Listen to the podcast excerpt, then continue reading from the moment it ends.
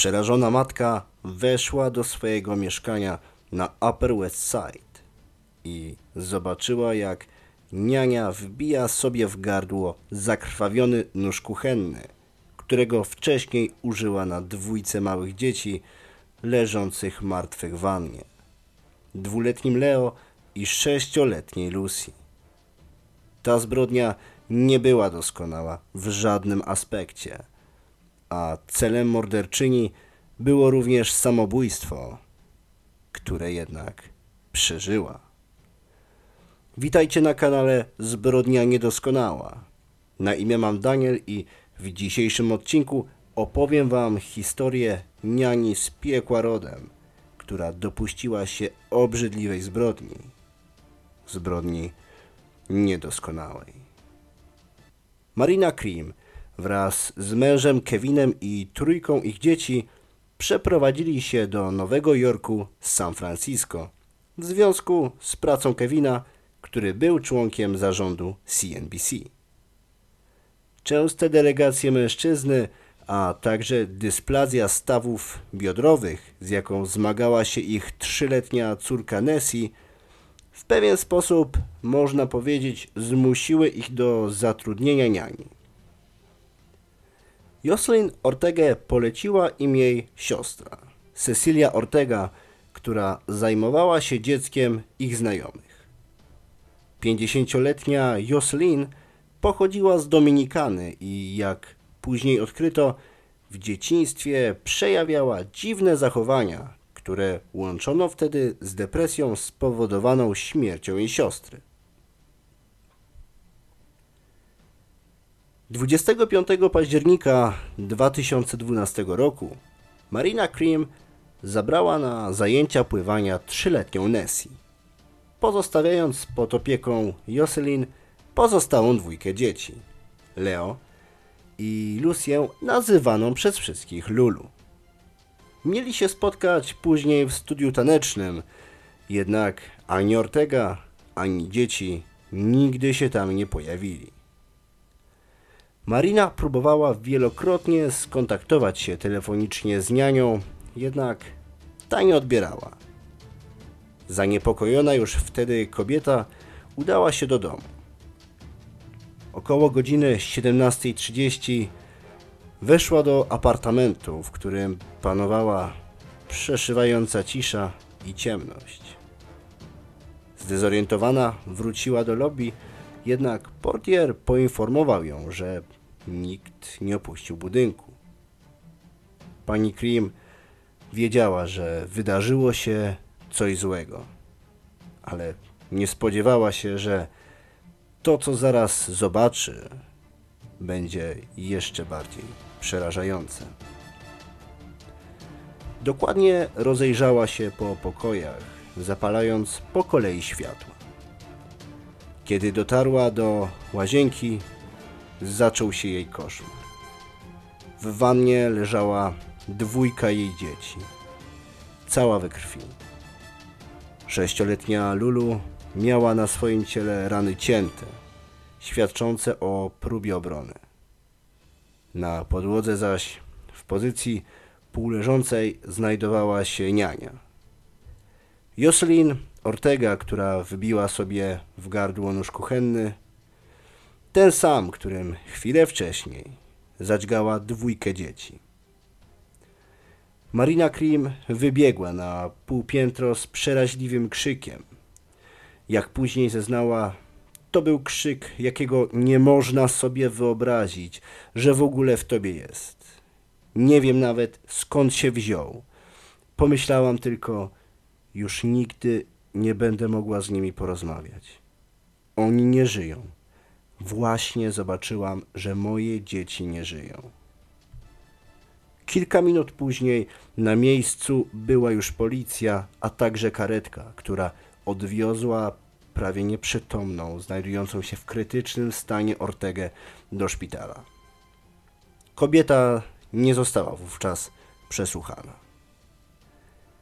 Marina Krim, która odkryła makabryczną zbrodnię, była w bardzo ciężkim stanie psychicznym. Nie potrafiła mówić i porozumieć się z policją. została przetransportowana do St. Luke's Hospital, w którym znajdowała się do powrotu męża z delegacji. Z kolei Kevin Cream dowiedział się o tragedii kilka godzin później, po powrocie do Nowego Jorku z delegacji. Został zatrzymany na lotnisku przez policję, która poinformowała go o tym, co wydarzyło się w jego domu. I zawieźli go do zrozpaczonej żony.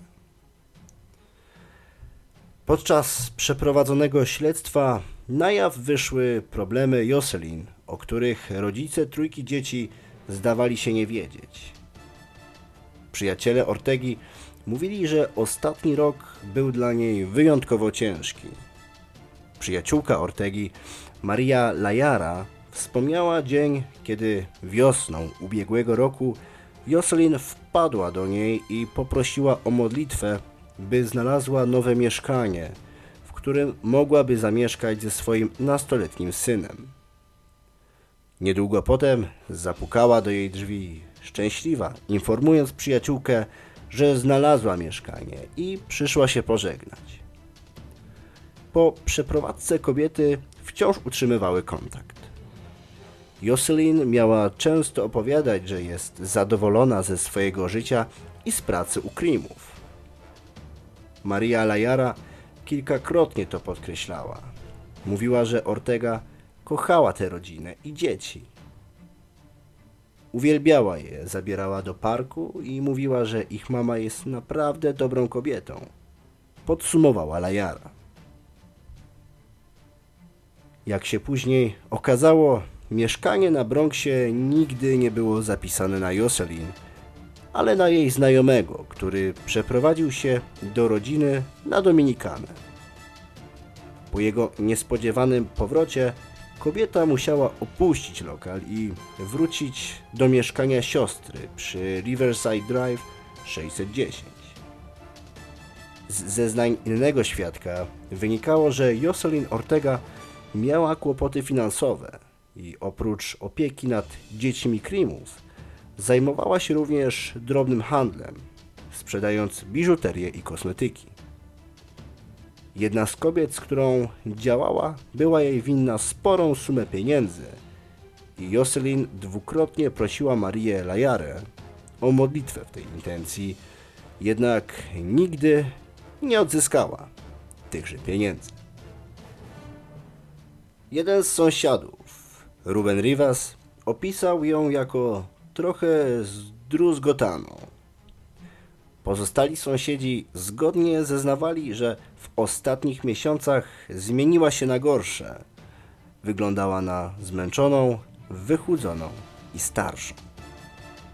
Niektórzy mówili, że niegdyś towarzyska kobieta, która witała ludzi ciepło słowami witaj sąsiedzie, zaczęła unikać kontaktu wzrokowego.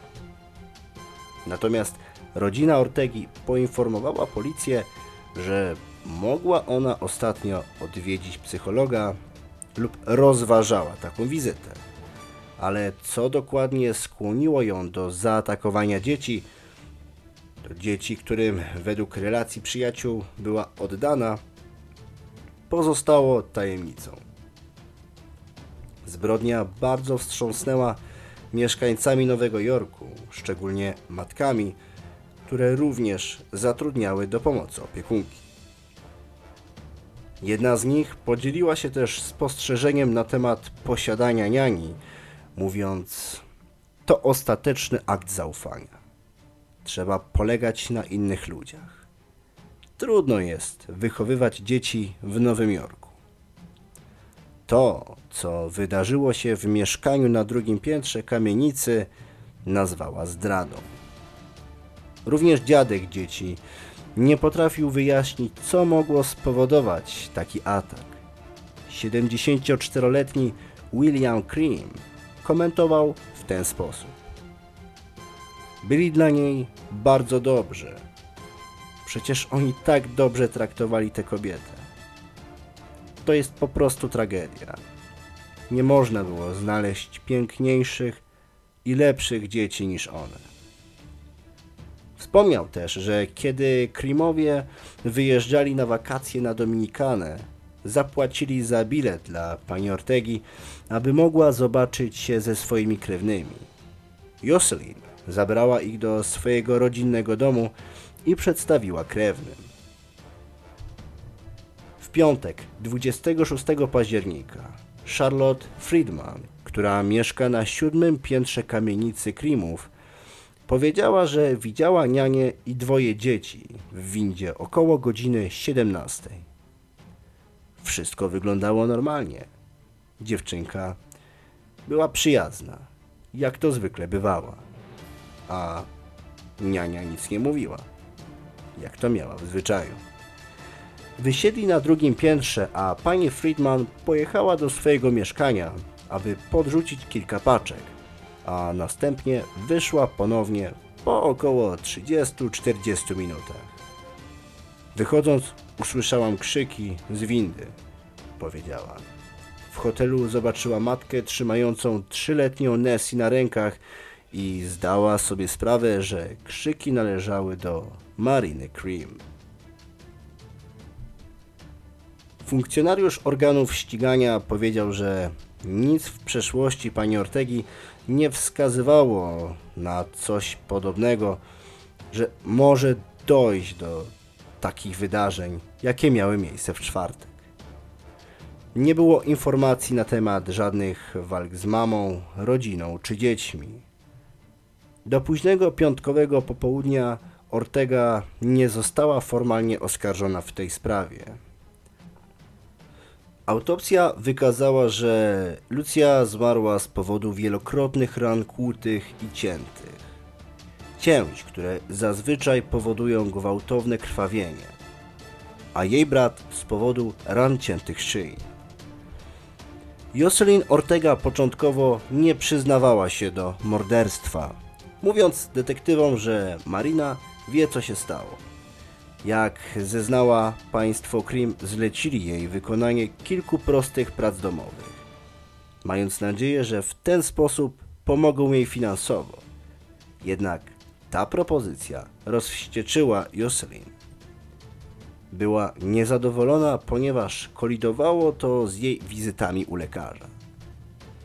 Ujawniono także, że Marina i Kevin w ciągu ostatnich tygodni odbyli z opiekunką rozmowy byli niezadowoleni z jej pracy i oświadczyli kobiecie, że jeśli nie będzie lepiej wykonywała swoich obowiązków, będą musieli poszukać nowej niani.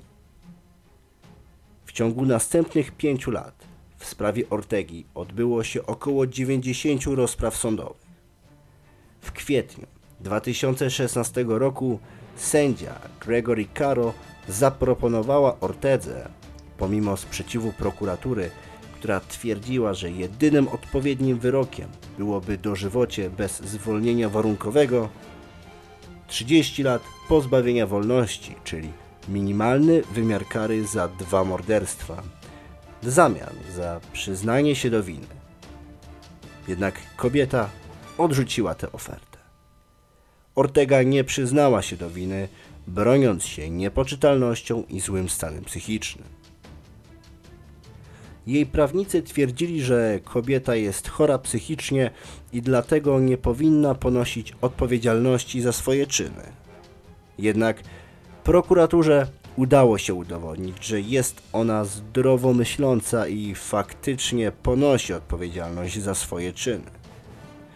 18 kwietnia 2018 roku Jocelyn Ortega została uznana za winną morderstwa pierwszego i drugiego stopnia, a 14 maja 2018 roku została skazana na dożywocie bez możliwości zwolnienia warunkowego. W swoim orzeczeniu sędzia Caro powiedział, że Ortega była czystym złem, obwiniając Ortegę i jej rodzinę za to, że nie szukali pomocy medycznej w związku z depresją i lękami Ortegi oraz ukrywali jej stan przed klimami. Na dzisiaj to wszystko. Jeżeli odcinek Ci się spodobał, zostaw łapkę w górę oraz zasubskrybuj kanał. Do usłyszenia w następnym odcinku.